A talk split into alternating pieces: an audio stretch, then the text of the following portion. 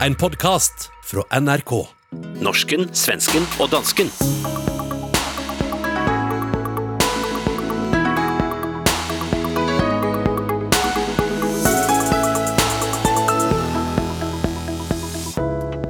Mens andre har vært på jobb, satt de privilegerte hjemme og skrev koronadagbøker. Den danske statsministeren er ikke bare commander-in-chief, men slottsherre i et Kafka-univers, i hvert fall om vi skal tro ukens danske whistleblower.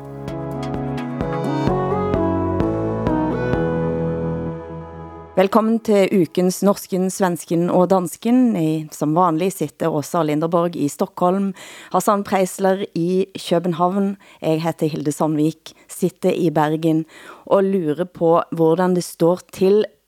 Danmark har begyndt at åbne nu, Hassan. Er du glad for det? Altså på, på vegne af min nation er jeg selvfølgelig glad for, at julene kan komme i gang igen, og de ensomme kan mødes med hinanden og nedbryde deres ensomhed. Men du ved jo, øh, Hilde, personligt, så, øh, så har jeg jo været meget glad for den her tid, og jeg kan mærke, at den der kompleksitet, som findes ude i verden, at den, den er meget for mig at rumme. Du har blitt lidt intro øh, introvert, rett og slett. Jamen, der var jo en, en formidabel tryghed i det her reducerede liv, ikke? som ligesom handlede om min kæreste, min datter og vores to undulater. og også, eh, svenskene åbner jo ikke igen, for der har jo været så åbne hele tiden. Nej, här är som vanligt. Eh, jag har börjat jobba på Aftonbladet igen. Jag har ju varit ledig för att skriva en bok. Det är väldigt svårt att jobba på tidning och inte få gå till själva redaktionen. Så att, eh. Men du har slutat vaska händer till och med? Eh, jag har anpassat mig så mycket till det här nya så att jag har glömt bort att anpassa mig faktiskt. Jag lever ungefär som vanligt, bara det att jag inte får gå till jobbet. Mm. Og hvordan går det hos dig, Hilde? Vi er jo blitt så desperate på underholdning, og TV2, norske TV2 har eh, sikret sig eh, eksklusive rettigheder, eksklusive i den forstand at eh, uh, færøsk fotboll er det eneste som holder åbent, og jeg bare måtte ha med dette klippet. Lufta dirrer av spänning for et ufattelig drama. Den er løst. Vikinger! Og Vinje og Alt Alltid dramatisk når disse gigantene møtes.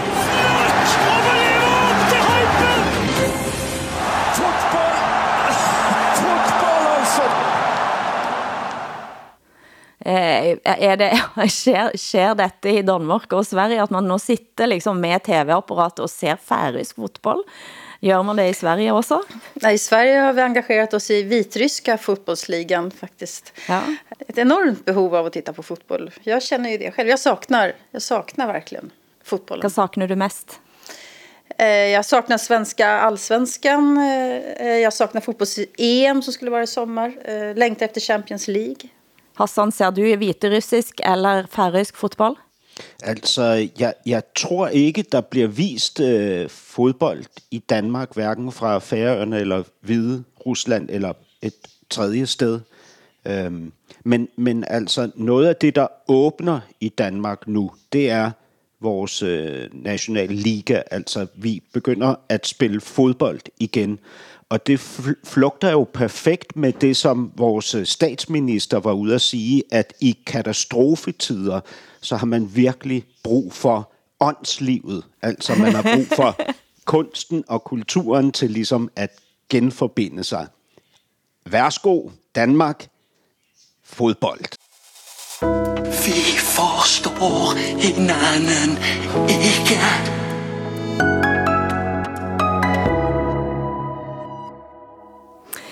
Dagen som dette programmet sendes i Norge, så er alle nordmænd ute i gater burde ha været på selveste nationaldagen 17. maj. Komplett uforståelig alle andre steder end i Norge. Her har vi et lite klip fra DR, som stiller spørgsmålet, for hvorfor har ikke egentlig Danmark en egen nationaldag? St. Paddy's Day! Irland har en. Norge har en. Ja, faktisk har alle lande i hele verden en nationaldag. eller det vil sige næsten alle, for sammen med Storbritannien er Danmark faktisk de eneste lande, der ikke har en officiel nationaldag. Men hvorfor er det så lige, at Danmark ikke har nogen officiel nationaldag? Danmark har aldrig været en koloni eller været underlagt andre lande i en længere periode. Derfor har vi heller ikke en selvstændighedsdag, som vi kan gøre til vores nationaldag, ligesom USA. Vi har heller ikke været igennem en stor genforening, ligesom Tyskland. Og vi har i Danmark haft en forholdsvis fredelig politisk, social og økonomisk udvikling, så vi har heller ikke gennemgået en stor revolution, ligesom Frankrig. Med andre ord har vi altså ikke haft et behov for en særlig dag om året, hvor vi officielt kunne fejre nationens sammenhængskraft. Har du nogen gang savnet at have en nationaldag, Hassan? Ja, altså både og. Vi har jo også flere tusind nordmænd, som går i gaderne øh, på denne her dato øh, på Amager, som er en ø uden for København. Øh, og der går de så rundt i de norske nationaldragter. Og når jeg ser de her mennesker i de her dragter, så tænker jeg, at det faktisk er helt ok, at vi ikke har en nationaldag. Liker du det ikke? Jo, men det er også lidt, det er også lidt fjollet, ikke? Altså, det var jo sådan noget, det var sådan noget tøj, man gik med på de danske øer for 100 år siden. Nå snakker du altså nedsættende om den drakten, som eh, næsten alle nordmænd altså må grave langt ned i pengeboken for at skaffe sig allerhelst, når en allerede er 14 år gammel. Du har vel en sån, et, har inte du en sån dräkt til det? En bergensk... har jeg en sån drakt. Nej, bergensk Inte? er du helt tosset. Helt, helt tosset. Men hvad har du då? Nej, altså, jeg, jeg, har, jeg kommer jo, min bunad, eh, den kommer fra et lite sted som heter Jelsa. Altså, bunaden er jo egentlig satt sammen av tusen forskellige biter eh, og har centrale europæiske aner. Eh, akkurat sådan flaggene våre har. Men, det, men nå så jeg faktisk at eh, avisen VG har åbnet op for at vi kan nå begynde at gå med fantasibunader. Jeg trodde længe altså at, vi, at bunadspolitiet var det værste politiet man havde. Det er lidt sådan på grænsen til at være sådan iransk politi, som passer på at du har hijaben ret på. Men nu ser jeg at det, leg, det lægges op til at du kan ta på dig en hvilken som helst skjorte, for eksempel, under. Noget som har været helt uhørt frem til nu. Men, men det, här måste, det här måste vara postmodernismens totala seger eller individualismens fullständiga triumf. Att du får göra som du vill og allting går lika bra. Nej, det. Hilde, nu er det her jo radio, så vi kan ikke se dig lige nu. Har du din nationaldragt på nu i dette øjeblik, mens vi taler? Det var selvfølgelig, jeg vurderte det, men så regner det så mye i dag. Jeg vurderte at ta på mig bunaden. Og det, det du ville ha sett, var en linskjorte som er brodert. Så er det da altså et brodert ullsjal, eh, og under så er det en brokadevest. Så har jeg to store søljer, og så er det en tung ullstakk. Og så har jeg faktisk, og, og på toppen, så kan jeg, eh, det jeg bruger veldig sjelden, ha en hatt, eller en slags liten eh, eh kyse, som, som også er brodert. Altså, jeg, jeg vil bare sige, nu i sidste uge, der blev jeg jo mobbet for det danske sprog. Ikke? Øhm, så det her, det er jo comeback time nu. Ikke? Altså, du har lige siddet og beskrevet den her dragt, Hilde, som du går rundt i en gang om året, og hvor revolutionerende det er, at du nu må tage en, en anden skjorte på. Jag tyckte också att den här dräkten var fullständigt sinnessjuk. Men jag försökte inte säga någonting. Tack Hassan att du gjorde det där åt mig. det, jeg, det jeg glemte at sige, at jeg også faktisk har en kniv. Jeg har en sølvkniv i sliren på den bunaden. Så hvis dere mobber mig for mye, så kan det være at det, så, så, har jeg, så har jeg noget at blotte. Er det, er det ligesom det der øh, rollespil, hvor I kaster med ildkugler og siger, Kapu, du er død nu. og, og så trækker du din sølvkniv og siger, jeg forsvarer mig, du kan ikke dræbe mig med din ildkugle. Du skal aldrig mobbe mig med mit sprog igen, Hilde. Vi forstår hinanden ikke.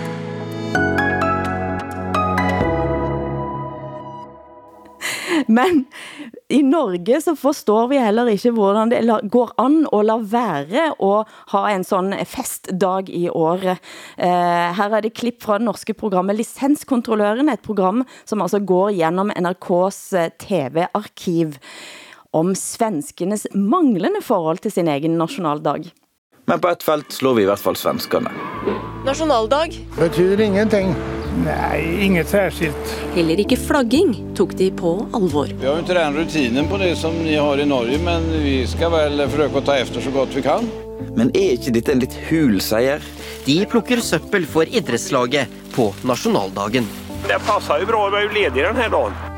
Altså at vi slår svenskene i å være flinkere til å feire oss sjøl. Vi, vi er litt dårlige på det å fire nationaldagen her, tror jeg. At vi er nordiske mestere i sjølforherligelse. Men selv om den svenska flaggans dag har vært en offentlig fridag siden 2005, har de en lang vei å gå, mener tilreisende østfoldinger. Det var heller dårlig. Det er jo ingenting. Hva hadde du venta? Litt opptog. Kanskje et korps. Jeg tror han her er en bra representant for svenskenes forhold til egen nasjonaldag. Du skal feire? Nej. Nej. Nej, det gör jag inte. Varför inte? Därför att vi behöver inte det. Eh, flagger du på svenska flaggans dag? Nej, skulle aldrig falla mig in. Alltså, i, I Sverige så har vi ju haft idén om att en inofficiell nationaldag är midsommarafton. Eller det som i Danmark heter Sankt Hans, tror jag, dag. Va? Och kanske i Norge också, jag vet inte vad det heter där. Men i Sverige, vi har liksom över överintellektualiserat flaggan kan man säga. Vi har alltid sett den som, som någonting hotfullt, någonting otäckt, någonting som kanske kan leda fram till fascism. Eh, ibland kan jag tänka att det, det kan finnas en poäng med att bara få vifta med flaggor och vara lite glad. Men för egen del så tycker jag det är otäckt med sådana här massuggereringar eh, som inte har någon riktig riktning. Det har en rättning i Norge. Ja, så, men är det inte så att ni i Norge har en ganska naiv syn eller ett perspektiv, perspektivlös syn på nationalism? Är det inte så att ni tänker att er nationalism den är så ofarlig, den är så god och den är så snäll och harmlös men alla andras nationalism kan vara problematisk men inte er? Altså det som det går an at sige, Eh, og nå eh, citerer jeg næsten ifra en eh, doktorgradsavhandling, eh, Svein Ivar Angel eh, på Universitetet i Bergen, som har faktisk sett på norsk og svensk nationalisme. Eh, og den store forskellen, og det er der jeg tror faktisk også at svenskene eh, misopfatter eh, den norske nationalismen, fordi den den norske nationalismen i grund eh, var en venstre nationalisme, var et stort frigjøringsprojekt. 1814 markerte en slut med det forholdet som vi havde med danskene i 400 år. Altså en frigøringsnationalisme. Mens den svenske nationalismen, hvis du tænker på svenske flaggans dag, så er det en fejring av det bestående. Svenska flaggans dag er en fejring av en stor makt, en stor makt. Jag hör ju hur nationalistiskt inställd du är till era nationaldag. Du, det är känsligt ämne det här, jag, jag, jag märker det. Jag vill inte ta ifrån Norge er historia, absolut inte. Sverige har aldrig varit eh, underställd någon kolonialmakt överhuvudtaget. Jag vet att nationalism kan vara massa olika saker. Det kan vara eh, förtryckande, det kan vara som en antikolonial liksom, rörelse, det, liksom, progressivt, det kan vara allt. Eh, det vet man ju om man kan någonting om, om historia. Men i all all nationalism, tror jag ändå, eller patriotism, vad man kallar det för, så tror jag ändå man måste på något sätt kunna diskutera den lite grann i alla fall. Jag skulle säga att den svenska nationalismen, vi håller inte på med flaggor eller har inte gjort. Vi kommer kanske börja göra det. Men den handlar ju om att vi är så jävla bra. I Sverige vet vi alltid bäst. Mm. Eh, och vi blir otroligt provocerade ifall någon skulle säga någonting annat. Så att liksom vi har ju, alla har ju föreställningar om sig själva. Men, men det här med den norska nationalismen, den är verkligen, verkligen känslig. Alltså. Och på vad måste tänker du? Min uppfattning är att i Norge så, så tänker man att vifta med flaggor det är någonting oskuldsfullt. Och det är det nog i Norge just nu, men det, det finns ju tillfällen när vifta med flaggor faktiskt inte är det. Och eh, ni är lite naiva om ni tror att ni aldrig ska hamna i en sån situation, tänker jag. For at hente eh, ind dansken også her, har Hassan. Nogen vil jo mene, at danskene er kanskje de mest nationalistiske i Skandinavien. Er Danmark et meget nationalistisk land? Det, det, sådan tror jeg ikke, vi opfatter os selv. Altså, jeg tror, vi ser vores, vores flag og vores nationalisme som en, øh, en meget afbalanceret nationalisme, og vores forhold til vores flag er jo et hyggeligt forhold. Altså, vi bruger vores flag, når vi holder fødselsdag, og når vi tager ud i lufthavnen for at velkomme danskere tilbage til Danmark, hvis de har været på rejse. Jeg ved ikke, om I nogensinde har landet i, prøvet at lande i en lufthavn i Danmark. Der står jo altid hårder af mennesker med Dannebro øh, og flager for de hjemvendte. Jeg synes, det er enormt hyggeligt, altså virkelig rart. Altså, det er en, det er en vidunderlig følelse.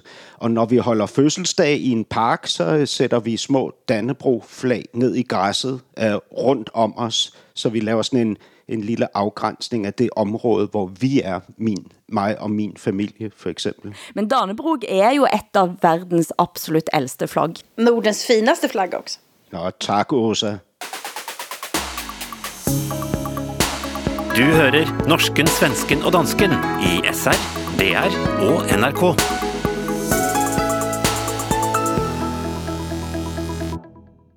Forrige uke så snakket vi om frigjøringsdagen, og den dagen så tropper statsminister Mette Frederiksen op med ny jakke. Og den fik dig til at stusse, Hassan.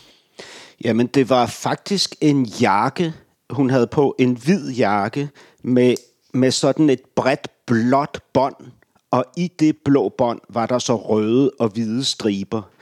Og øh, altså, når jeg siger til folk, at den her brede stribe på Mette Frederiksen fuldstændig lignede frihedskæmper armbindet, armbindet ikke? så siger folk, at jeg skal tage min sølvpapirshat af. Øh, de det er mener, konspirationsteoretiker, De mener, at jeg er, en, jeg er en tosset konspirationsteoretiker.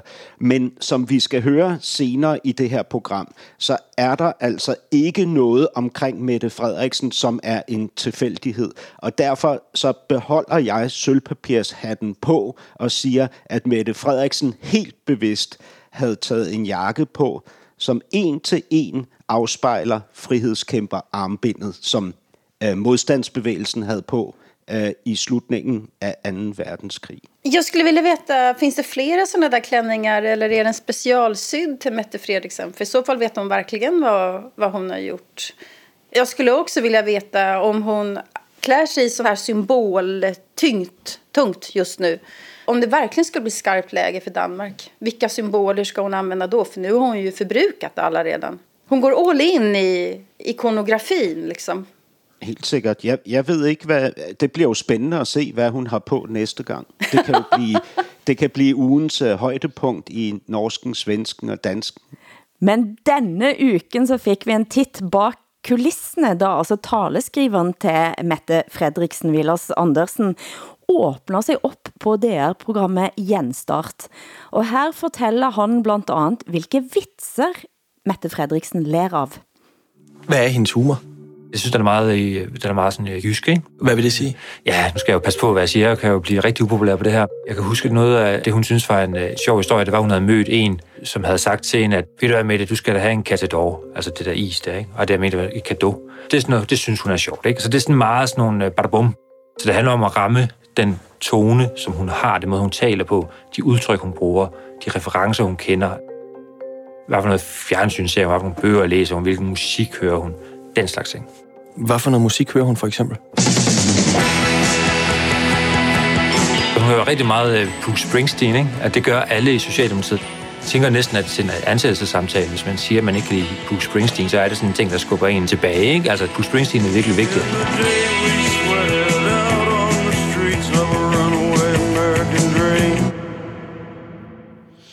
Ja, man skal måske lige indskyde, at Vilas Andersen er den tidligere taleskriver til Mette Frederiksen. Den nuværende taleskriver vil aldrig gå ud og fortælle øh, at, og rapportere fra maskinrummet på den her måde. Men altså, altså jeg, jeg, jeg synes virkelig, man skal gå ind og høre de der nogle 20 minutter, øh, som Genstart har publiceret, fordi det er så vildt at få bekræftet alle sine forestillinger om, øh, om Mette Frederiksen og, og hendes apparat. Altså, der, der er jo et kommunikationsapparat, som er øh, altså som, som anvender sig af den tykkeste symbolik, man kan forestille sig. Ikke? Prøv at høre Bruce Springsteen, Working Class Hero. Ikke? Hun bruger citater fra Olsen-banden-film og Kim Larsens sange. Altså, det kan ikke blive mere folkeligt og bredt. Ikke? Og det er jo lige præcis den der fortælling, som det her ekstremt elitære og indsnævrede øh, topstyret parti gerne vil komme ud med om sig selv. Ikke? At de er folkelige og brede. Ikke? Men, men altså, han, Vilas Andersen rapporterer jo også, øh, øh, som, som du nævnte i starten af programmet her, så rapporterer han jo også om, at det her minder ham om slottet af Kafka, altså at hele landsbyen, det her øh, apparat, der er under og omkring Mette, hele tiden orienterer sig op imod slottet. Altså, hvad ønsker slottet? Hvad, hvilken retning vil slottet have, at vi skal gå? Hvad kan slottet lide, og hvad kan slottet ikke lide? Ikke? Altså, det, det er så vildt. Det er helt vildt spændende. Altså, lyt til den der podcast. Jag tycker det är så kul det här med Bruce Springsteen för att eh, eh Socialdemokraterna i Sverige hade en partiledare som heter Mona Sahlin och hon, hon var besatt av Bruce Springsteen. Verkligen, verkligen älskade Bruce Springsteen. Det är socialdemokratisk musik. Det är deras soundtrack, det kan man säga. Ja, og taleskriveren her, Vilas Andersen, han siger, at hvis du ikke kan lide Bruce Springsteen, så vil du få problemer med at opnå ansættelse i den socialdemokratiske partistruktur. Altså, det er jo, det er jo ret vildt, ikke? Vi hade en statsminister i Sverige, Fredrik Reinfeldt. När han fick frågan om vad han lyssnar på för musik, då sa han Dabas. Det är helt sjukt. Och, och det han läser var Camilla Läckberg. Det är också ett för, liksom, sätt försök att liksom bli folklig och det slog ganska fel för han blev helt hånad. The Boss, altså svensk danspop fra slutten av 90-tallet. Dette burde jeg sikkert ha sjekket op, men jeg har en følelse av at Erna Solberg også liker eh, Bruce Springsteen, men jeg husker i hvert fall at hun skrev næsten en liten kondolance da Prince døde. Det hade jag också kunnat gjort faktiskt. Ja, det kunne jeg også. Ja. Hvad er dit forhold til eh, Bruce Springsteen, eh, dit forhold, eh, Hassan? Jeg vil hellere grave mit ene øje ud med en ske, end jeg vil lytte til Bruce Springsteen. Altså, men det siger jo noget om os tre. Prince er jo det, det, det kulturelle miljøs ikon, og Bruce Springsteen er måske arbejderklassens ikon. Jag har lyssnat mycket på Bruce Springsteen och framförallt den här, från den här skivan Born to Run som väl kom 75 tror jag. Det är jätte, jättebra. Og den findes det jo live tv-optrædener av, som jo er næsten på grænse til magiske, og dette bør jeg kanskje ikke sige, for da blir jeg kanskje ansat på slottet.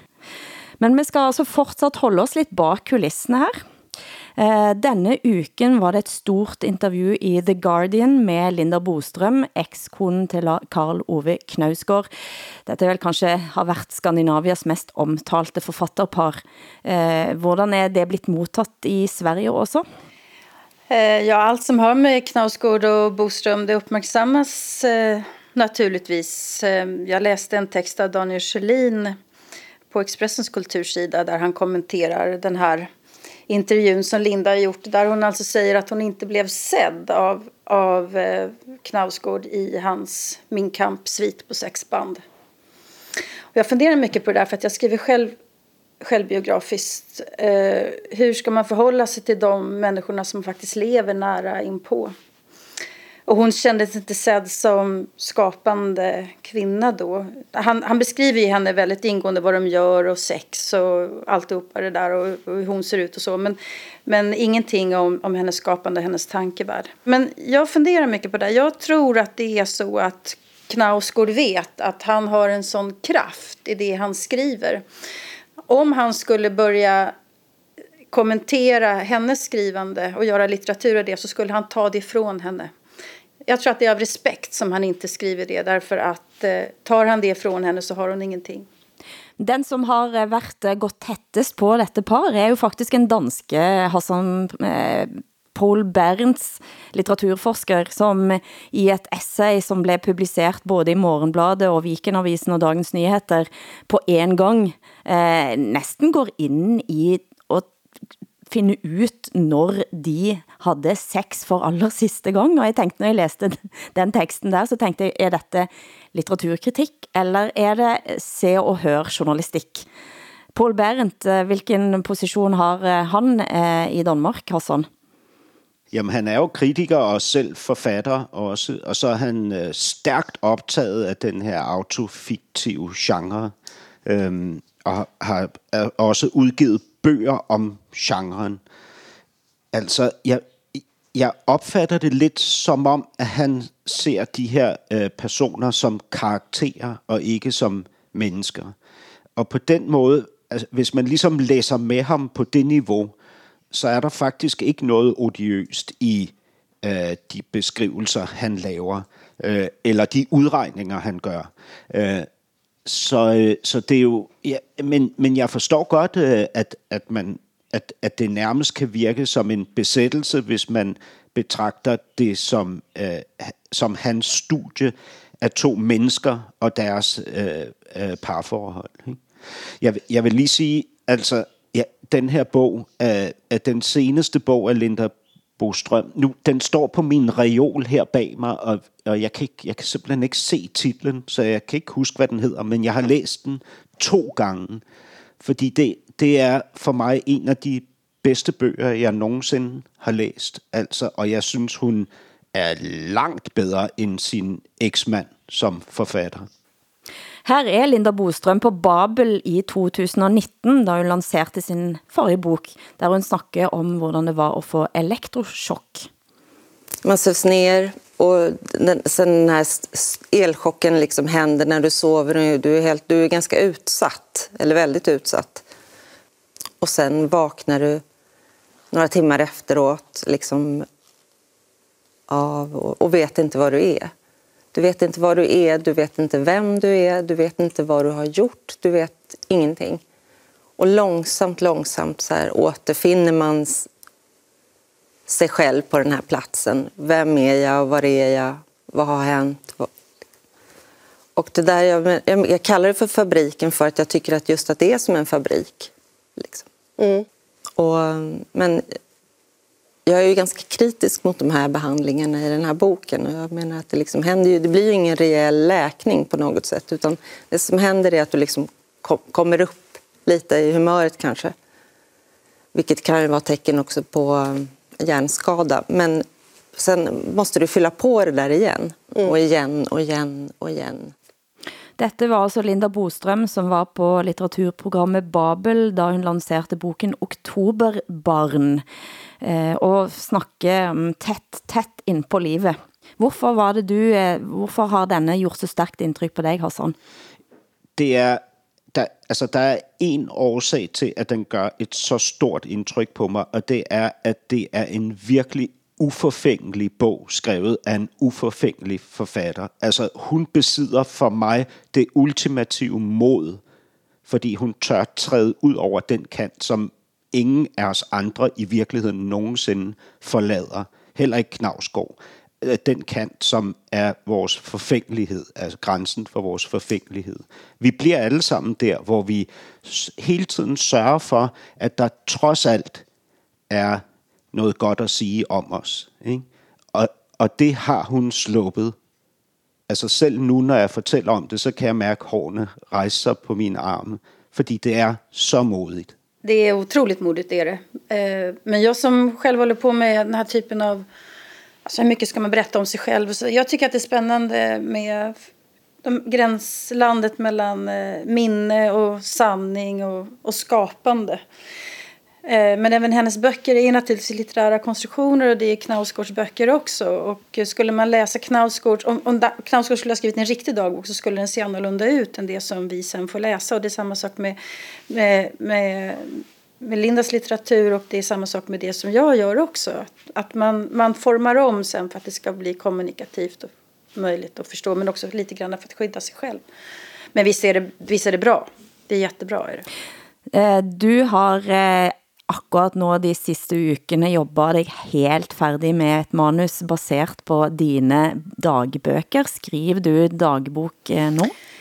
Eh, faktum är att jag slutade skriva dagbok när corona bröt ut. Eh, jag blev så jävla trött på alla som skulle skriva coronadagböcker. Jag har ju liksom aldrig skrivit egentligen dagbok för att det ska publiceras. Men, men när Ian McEwan gick ut och sa att nu skulle han skriva en, en coronadagbok som hela världen skulle få läsa. Och, jag är jättetrött på, på coronadagböcker. Jag är jättetrött på de som ska, ska liksom älta sina existentiella kriser och tala om för alla oss andra hur vi ska känna eller hur vi ska uttolka det här. Och vi lever alla i samma skit men vi har fullständigt olika förutsättningar faktiskt att, att lösa det här. För det är en fråga om, om resurser och klass och allt möjligt.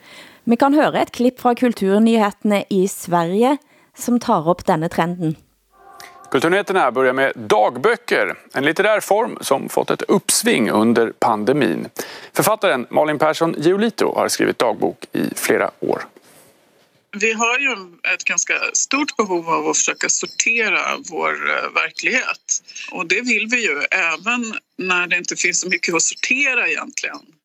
Nordiska museet har fått in över 2000 coronadagboksanteckningar för framtida forskning. Och världen över vill museer och universitet ha folkets berättelser om livet i en historisk tid. Det är ju därför eh, arkivarier och historiker eh, vill just ha vanliga människors betraktelser över vad som händer i deras liv just när det händer. Historia skrivs ut av vinnarna men om man tittar på texter som är skrivna av helt vanliga människor som inte har haft någonting att säga till om när historien har skrivits, ja men då, då får vi kanske en, en sannare bild av vad egentligen livet var då. Den mest kendte skandinaviske forfatter som har skrevet rapport for coronaliv er Åsne Seierstad, som har publiceret i Dagens Nyheter i Sverige, Vikenavisen i Danmark og New York Review of Books under titlen Virus in the Neighborhood. I Norge så har det ført til debatt om de privilegertes coronareflektioner. Vad tänkte du när du läste denna artikel også? Min första reaktion är att det, att det här är lite jobbigt eftersom jag är lite bekant med Osne, Osne och lite bekant med personerna som hon beskriver också i den här texten. Det blir alltid lite känsligt då att prata om det. Men, men visst är det en privilegierad position, ett privilegierat liv. Och Eh, det jag funderar över när, när, eh, när Åsne får den kritiken så säger hon att hennes ärende var att hon skulle just beskriva den här privilegierade världen. Men i så fall tycker jag att hon skulle beskriva sig själv. Hon skulle sätta in sig själv i, i den här världen i så fall. Vem är hon? Hur bor hon? Eh, för att hon beskriver en Chanel-bikini eh, på en annan kvinna. Hon beskriver jaguarer i ett bostadsområde som hon cyklar förbi och så. Eh, hon, men vem är Osne i hela den här historien? Det, det, får man inte riktigt veta. Och ifall det är kritik mot de privilegierade så är det otroligt subtilt i så fall. Då missade jag nog faktiskt det. Ja, det handler om at løbe før frokost, om at træne i hagen til en ven, som også er en Skandinavias eh, dygtigste publisher, ifølge Åsne Seierstad. Det er mm, store hager. Det er, det er en vill, et villaliv som beskrives her. Ja, men det är ett ganska, ganska speciellt villaliv skulle jag säga. Det är, det är inte alla villor som har en Jaguar som står utanför på, på, på gatan. Det är, det, är bara, det bara andas pengar och resurser i den där texten. Och jag tycker sånt är intressant. Jag säger inte att det är fel att, att, att beskriva det där alls. Men jag saknade problematiseringen faktisk. Og... Men nå er det, altså hun er, hun er jo ikke alene, og, og vi kapitaliserer jo også på corona på en eller anden måde. Ja, det, det skulle jeg lige til at sige, fordi vi er jo også nogen, der rapporterer fra, øh, fra tre privilegerede liv, når vi mødes og, og skildrer vores øh, øh både praktiske og følelsesmæssige forhold til katastrofen. Men altså, jeg må sige, når, når jeg læser den der, øh, det der essay øh, af Åsna, så, så altså, jeg, jeg griner, men jeg griner af noget, der virker som ufrivillig øh, komik. Øhm, og, og når hun så efterfølgende siger, at det er en klassekritik, det her, ikke? Så, altså, så må jeg tage mig til hovedet, fordi det vil jo svare til, at man at øh, producerne og familien bag The Kardashians kaldte den serie for en klassekritik. Altså, det, det, det, det giver ingen mening. Absolut. Fast det, det tycker jag är att dra parallellen för långt. Alltså det här är... Eh... Nej, men altså, poenget er at det blir, nå blir det produceret en række coronadagbøker. Dagens Nyheter har eh, næsten hver dag en tekst med nogen, som skriver sitt liv. Eh, og jeg har eh, haft en samtale med en, en ven om, om dette, og om hvordan kanskje det eneste, som faktisk er interessant, er at læse tekster fra de, som også har været syke, eller som er syke eventuelt at du har en forfatter som både er landbruker og epidemiolog, eller kan nogen ting som helst. Altså det at vi jager nå efter mening, eh, blir ganske fort tomt då. Jag skulle vilja läsa dagböcker från de som faktiskt inte har suttit hemma och jobbat. Alltså de som har gått till jobbet varje dag, sjukvården naturligtvis, men alla de som kör, i alla fall i Sverige har ju det fungerat, kollektivtrafiken, eh, Eh, eh, de, som gör, de som jobbar i butikerna, alltihopa det där, de dagböckerna skulle man ju vilja läsa. Som inte kan sitta och tycka att det är tråkigt att titta på Netflix på eftermiddagen. De längtar ju hem och få titta på Netflix medan medelklassen beklagar sig här. Hur synd det är om oss. Du hører norsken, svensken og dansken. Programmet blir sendt i Danmarks Radio, Sveriges Radio og Norsk Rikskringkasting.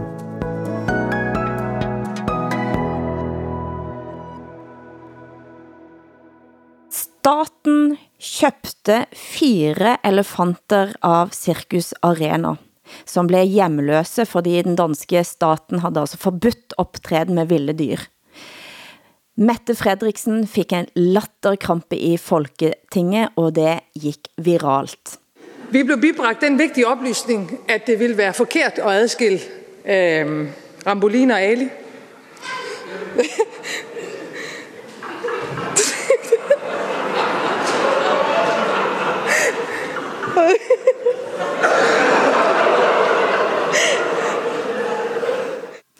Alt det så i sin skønneste harmoni og orden, og fødevareminister Morgan Jensen tar til Knuteborg for at ta de første spadestik i hjemmet til de fire redde dyra. Men nå viser det sig at Circus Arena er et kæmpe fuskerfirma, som det heter på dansk, som gænger mange år har snytt staten for skatt og moms. La oss høre her, hvordan cirkusdirektøren for det hele reagerer, da de bliver konfronteret av DR. Ifølge kammeradvokaten, så er de blevet kopieret, de her leasingaftaler fra selskab til Nu bliver selskab. du ved med at køre med det med den kammeradvokat. Det vil jeg, vil, jeg, det, vil, jeg, vil jeg ikke, det vil jeg ikke ind på. Jeg vil ikke blive ved. Du bliver ved på at køre i det. Jeg svarer på det, og når jeg så svarer på det, så prøver du på at køre over i noget nyt. Jeg svarer så korrekt og godt som jeg kan. Vi har ikke stået op om morgenen for at sige, nu skal vi gøre nogen ondt økonomisk. Hverken staten eller, eller nogen andre. Men Ben, vi kunne ikke ikke stoppe der? Hvad siger du? Skulle vi ikke stoppe der? Nej, vi er, vi er nødt til lige at tage, tage dem igennem. Jeg har jo sendt spørgsmål Jamen, nu har du stillet det syv gange. Nu skal du ikke stille mere om det der. Jo, med det bliver jeg nødt til. Nej, det gør du ikke. Det gør du. Lad nu være med at være dum. Kai, du er dum nu, når du bliver ved. Jeg har jo svaret på det 5-6 gange. Sæt dig ned, Peter, så vi kan komme, komme videre. Jamen, det, du skal lade være med at blive ved med det der, fordi det er sgu dumt. Eh, tipper at Mette Fredriksen kanskje ikke ler så mye længere. Dette er vel ikke så gøy for den danske regeringen og sådan. Ja, det er ikke så godt, at, øh, at Mogens Jensen ikke har undersøgt, hvad det var for en virksomhed, som staten betalte de her 9 millioner kroner til. Altså, det er, det er en virksomhed, som har været igennem fem konkurser og skylder over 20 millioner kroner i ubetalt moms og skat til os alle sammen. Øh, jeg ved ikke, hvordan det er i Sverige og Norge, men i Danmark er det sådan for mig, at hvis jeg at når jeg har gæld til det offentlige, om det så er øh, fra en parkeringsbøde eller, øh, eller skat, øh, ubetalt skat, så bliver det trukket af min løn, hvis jeg ikke betaler de penge. Øhm, og jeg mener, at, at vi har i Danmark, det, øh, det bliver for stort at komme ind på, men vi har en lang række af enorme sager, hvor skat ikke har fået inddrevet de penge, de skulle inddrive. Og det her, altså det er jo et lille bitte beløb, men det er bare så tåbeligt. Altså det er så dumt, ikke? Øh, først er der 100 millioner kinesere, som ser Mette Frederiksen grine Øhm, og, og grinet indeholder jo en selvtilfredshed, ikke? fordi et samlet folketing træder frem og redder fire elefanter og en kamel i øvrigt. Ikke? Øhm, så det indeholder sådan en selvgodhed, ikke? og så viser det sig så indenunder, at hele historien baserer sig på altså et, et, et, en besynderlig handel mellem øh, staten og et, et fuskerfirma, som du ganske rigtigt siger, det hedder på dansk. Jeg trodde at danskene havde også et mye mere pragmatisk forhold til sine dyrehagedyr. Jeg husker eh, da en giraff eh, blev altså eh, slakta og tilberedt for løver eh, i Danmark, i København, København Zoo, og det skabte altså så store eh, br bruduljer på utsiden av Danmark, eh, mens den danske dyrehagechef står og fortæller at sådan hænger verden sammen, løver spiser giraffer. Så jeg trodde at eh, man kunne komme dit hen, at elefanter også kunne slaktes, men her har Mette Fredriksen sett sitt snitt da. Ligger det i samme, i samme renn som at hun liker Bruce Springsteen, kanskje?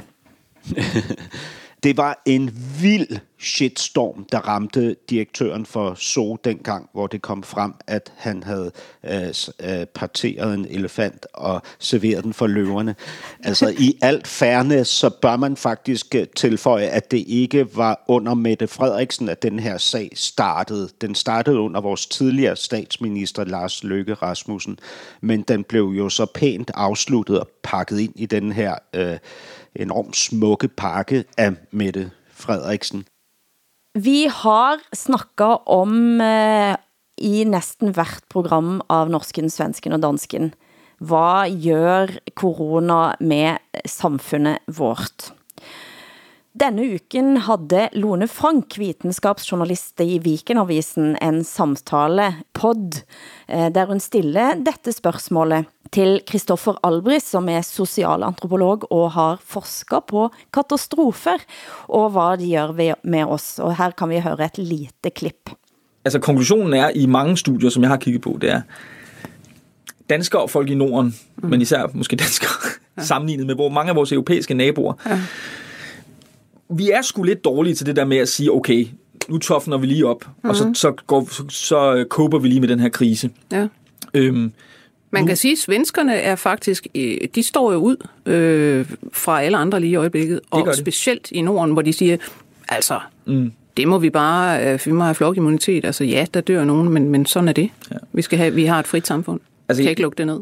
Jeg, jeg, jeg, jeg tror fuldt og fast på også, at danskerne er egentlig ret gode til at stå igennem det her. Mm. Men, men, men, øh, men jeg tror, vi skal overbevise os selv om, at vi godt at vi kan det vi skal bruge den her krise ikke mindst til at kunne forestille os, hvordan det vil se ud, hvis vi har en meget mere dødelig virus, og det kræver total lockdown, ligesom vi har set i Italien og Spanien, og det handler om et år eller to.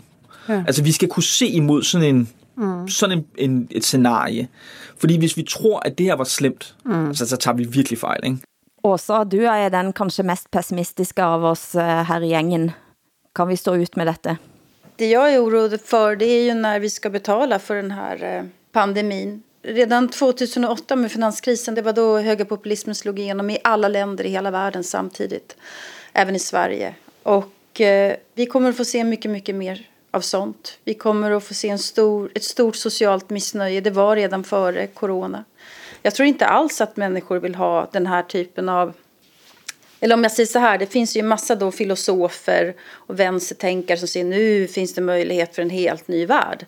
Og det det er altså en av de som har eh, varit været veldig ute der. Vi snakker om coronadagbøker, men en av de som skriver og skriver og skriver om dagen, Karsten Jensen, eh, danske Karsten Jensen, han menar mener jo at nå er, nå er det virkelig en mulighet for at verden blir en, et bedre sted. Ja, men då krävs det ju helt andra sociala rörelser. Då måste man få med sig folk på det. Och vad folk vill ha, det är bara arbete och bostad och komma tillbaka till den värld som faktiskt var tidigare, tror jag. Eh, därför att folk ska ha bröd och smör på bordet. Ja, altså det, prøv at høre, det, det er en sindssygt god øh, podcast, den her af Lone Frank, 24 spørgsmål til professoren, hedder den på Weekendavisen. Øh, det, det er så spændende det her, fordi der er jo forsket i, om katastrofer fører til gennemgribende sociale og mentale forandringer. Og det gør de ikke. Det gør de aldrig. Øh, og det, det skyldes ifølge forskeren, at vi har allerede indrettet os sådan, som vi gerne vil leve. Og derfor vil vi gøre, hvad vi kan for at vende tilbage til det, der var øh, kollektivt. Ikke? Og når, når mennesker som øh, øh, du, Åsa, og du, Hilde, og, og jeg, øh, ligesom mener, at vi vil, at vi vil komme til at, at se katastrofen, eller katastrofen vil gøre, at vi vil se virkeligheden i et klare lys, så kommer det ikke til at ske, fordi vi har hver især vores billede af, hvad et klare lys er. Ikke? Hvis Åsa er marxist, så vil hun mene, at, det, den, at vi nu vil få afdækket kapitalismens elendighed. Ikke? Hvis jeg er kapitalist, så vil jeg mene, at vi nu vil få afdækket statens elendighed. Ikke? Øh, pessimisterne ser den store pessimisme, optimisterne ser den store optimisme træde frem. Ikke? Nationalister mener, at det er nationalstatens tilbagekomst. Globalisterne mener, at det er øh, hvad hedder, det store øh, fællesskab, som bliver etableret af den her virus. Og på den måde, så skaber de her øh, katastrofer desværre ikke noget som helst. Altså, de, de bidrager ikke med noget. De er der bare, og så går de væk igen, og vi lever videre. Og der, der citeres jo blandt andet den franske forfatter Michel Houellebecq, som også har eh, sittet i sin store lejlighed i Paris og skrevet, at verden blir den samme, bare værre. Men noget af det, jeg synes var lidt interessant med podden, er også at gå tilbage til altså, den forrige store pesten, 1918, eh, der det døde jo veldig mange flere mennesker, end som har død til nå. Eh, og eh, Lone Frank, selvom hun ofte fremstår som ganske så pessimistisk selv, siger at men, man glemte det jo næsten med en gang altså man slutter at snakke om det. Selvfølgelig var jo næsten alle familier rammet på en eller anden måte, men, men det var ikke længere en del av samtalen. Min farfar hade spanska sjukan, han pratade om den jämt kan jag säga. Men jag tror, jag tror att människan är konstruerad lite så att man, att man måste glömma den här typen av saker för att, för att orka med eller för att man ska hantera sin vardag. Men på ett, på ett strukturellt plan så kan vi inte glömma det här. Vi, kan, vi, vi, vi måste inrätta världen på ett annat sätt. Eh, vi måste inrätta sjukvården på ett annat sätt. Eh, och alltihopa det där. Och, och det måste finnas en krisberedskap och så. För det här är ju inte den, det här kommer inte vara den sista pandemin. Det här, är den, det här är den första på väldigt länge och den är mild. Och det kommer att komma någonting värre sen. Så, så... Men kan, vi ikke, kan ikke dette bare då gøre, at vi faktisk har beredskapslager, som finnene har været så mye bedre på end oss andre? At man gør sig forberedt på at kunne eh, håndtere en næste pandemi? Absolut. Det är ett politiskt ansvar nu att... att... Helt klart. Men det, det finns ju samtidigt som politi även om politikerna tar det där så finns det ju nu vanligt folk som ska betala räkningen för den här coronapandemin. Eh, massarbetslösheten, det är alltså, det är 33 miljoner människor i USA står utan arbete. Eh, alltså vi kommer, att få se, vi kommer att få se så mycket våld, så mycket social nöd. Det är något, det är något väldigt, väldigt otäckt som ligger framför oss. Sen kan jag ju hålla med Karsten Jensen. Jag håller, jag, det finns alla möjligheter egentligen till en green new deal. Men för det krävs ju faktiskt en politisk vilja överallt. Och det, så ser inte styrkeförhållandena ut. Eller som Slavoj Žižek som menar att vi alla nu kan bli kommunister. Just det, vissa av oss är ju redan det. uh, det, det, det kommer ikke til at ske. Nej, det tror inte jag heller. Nej, det skal være en meget, meget alvorligere pandemi, før jeg bliver øh, kommunist men, men som Åsa er inde på nu, så, øh, og, og som øh, hvad hedder det, katastrofeforskningen bekræfter, så er det jo netop de praktiske forandringer, som kan opstå på bagkant af en katastrofe. Altså, øh, hvis man har været udsat for et stort jordskælv i en by, øh, så vil man efterfølgende sikre sine gasledninger, så der ikke opstår brænde over det hele. Ikke? Og på den her måde, så har denne her katastrofe jo givet os muligheden for, lige præcis som du var inde på, Åsa, at forberede os til den næste og mere alvorlige pandemi, hvor vi måske skal isolere os i to år. Jag känner en miljonär, han har verkligen mycket pengar. Och han, han sa att förut så var grejen att en miljonär skulle ha ett eget flygplan. Men nu ska man ha en egen respirator. Det kommer den nya statussymbolen. Ah, lige præcis. Ja. Efter forrige sending, Åsa, havde knapt uh, skrudd av optakeren, så sendte du en tekstmelding der du skriver, Jeg sitter på toget til Varberg, og Tom Hagen er släppt. Jeg fattar inte, skrev du, något sånt. Men det, Hvorfor var du så chockerad? Nej, men det konstiga är, han är fortfarande misstänkt för mord, men han är ändå släppt eh, ur häkte. Alltså i Sverige så släpper man inte någon som är mordmisstänkt på det där viset. Leif GV, norsken, svensken og danskens faste krimekspert, var her på Nyhetsmorgen eh, denne uken, og her hører du hans analyse. Ska vi ta och börja med Tom Hagen och det är alltså den här miljardären i Norge. Det har varit en väldig händelseutveckling i veckan. Vad är din känsla när det gäller hela, hela det här eh, ja, fallet nu? Ja, den, här, den här utredningen den inger med olust av tre skäl. Dels när det kommer till det rent polisiära som jag tycker visar på stora brister. Dels att den tycks drivas i närmast ett nära samarbete med Norges största tidning.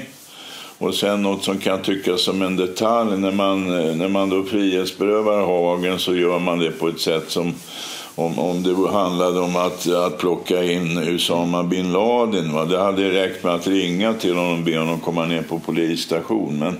Man, man driver sin utredning med hjälp av media vill jag påstå. Mm. Och där tycks man ju då nära allierad med den största tidningen i Norge. Och, och detta inger mig alltid en djup olust. Va? Mm. Det, det, är inte så att, att de läcker som ett såll utan eh, det är värre ändå. Liksom. Eh, jag har sett motsvarande i Sverige hända flera gånger och det har aldrig slutat väl. Det har aldrig slutat väl, säger alltså Leif GV. Um det VG han snakker om her, og VG har altså haft et team de i flere måneder, som kun har jobbet med denne saken. Eh, det stod det i en sak i Norske Journalisten eh, i forrige uke. Du sitter jo i Aftonbladet, som er VGs motsvarighet i Sverige også. Jag blev också förvånad när jag läste det att VG haft ett, ett helt team där, att man kan avsätta så mycket resurser. Och... De var där då han blev pågrepen, för exempel Tom Hagen. Ja, nej, jag tycker ju... Ehm, jag håller med Leif GW här. Att det är ett, ett, ett, känns lite för tätt samarbete mellan en tidning och polisen. Men jag borde ju försvara naturligtvis mina journalistkollegor här. Eh, skulle Aftonbladet få samma möjlighet så skulle jag naturligtvis tycka att det var jättespännande. Men eh, något knas är det ju. Det, det är klart att det påverkar journalistiken med den här typen av, av samarbete, det tror jag. Men själv för nordmænd, som følger saker veldig tæt, og kanskje til og med læser VG til dagen, så er det et andet sted, en går til for virkelig at finde ut eh, uh, hvad som sker. Og det er svenske netforumet Flashback. Og forklar også, hvad er Flashback for noget? Flashback, ja ni har inte det i Danmark men det mm, är um, sedan många, många år en, en skvallertråd kan man säga. Ett community där man går in och ställer frågor men där man också talar om vad man vet eller man bara hittar på. Eh, och eh, när Svenska Akademin bröt ihop för två år sedan då fick man den bästa informationen faktiskt fick man via Flashback. Så det är inte bara galningar som sitter där utan det kan vara väldigt, väldigt initierade människor. Polisen eh, hänger mycket på Flashback för att faktiskt kunna gripa eh, gärningsmän och sådär. Anna Linds morder eh, bland annat ja, men... dukker upp i, eh, i, i en sån flashback tror Ja, jag, jag, jag tror att jag, har att jag är rätt informerad här om att polisen hittade mördaren via flashback. Jag tror, jag tror det, jag kan ha fel men jag tror det. Hassan, du är, fremdeles ikke interesseret? Nej, altså, jeg, jeg håber naturligvis, at de mennesker, der har begået en forbrydelse, bliver straffet for forbrydelsen. Det er klart. Men sådan at dyrke øh, genren true crime, det kommer jeg... Jeg vil sige det sådan, jeg bliver kommunist, før jeg begynder at se true crime-serier på Netflix. Og hvad du lover mycket hvad hvis du bliver kommunist, som hører Bruce Springsteen og skriver coronadagbok? Altså, den dag, så skal I komme og hente mig. I bunad. Og den der silverkniven. Vi starter med at snakke om genåbning, og til ære for dig og dit langsomme coronaliv, Hassan Preisler, så avslutter vi med et lite klip fra den nationale scene i Bergen sin genåbningsforestilling. Vi skal høre Frode Bjorøy, skuespiller ved DNS, læse Rolf Jacobsens Langsomt. Tusen tak eh, for oss, eh, norsken, svensken og dansken, Hassan Preisler i København, Åsa Linderborg i Stockholm, her sitter jeg, Hilde Sandvik eh, i en imaginær bunad og glæder oss allerede til næste søndag. Bilder av umåtelige land, sandflukter, bronseaktige himler skal stå til tidenes ende. Vinden løfter det lille sandkornet opp på en sten. Regnværet skyller det bort. Således er jordens ansikt mellom stjernebildene dekket av glemsel. Langsom som stenene er Guds gjøren med oss. En dag skal komme som en rose. En dag som en ild. Alt har sin tid. Om tusen år er sneglen kommet frem til treet. Og kloden bøyer rolig sin skulder mot natt og dag. Et sted suser vinden alt morgen inn i skogene. Et sted går omrisset av en bergvegg umerkelig inn i natten.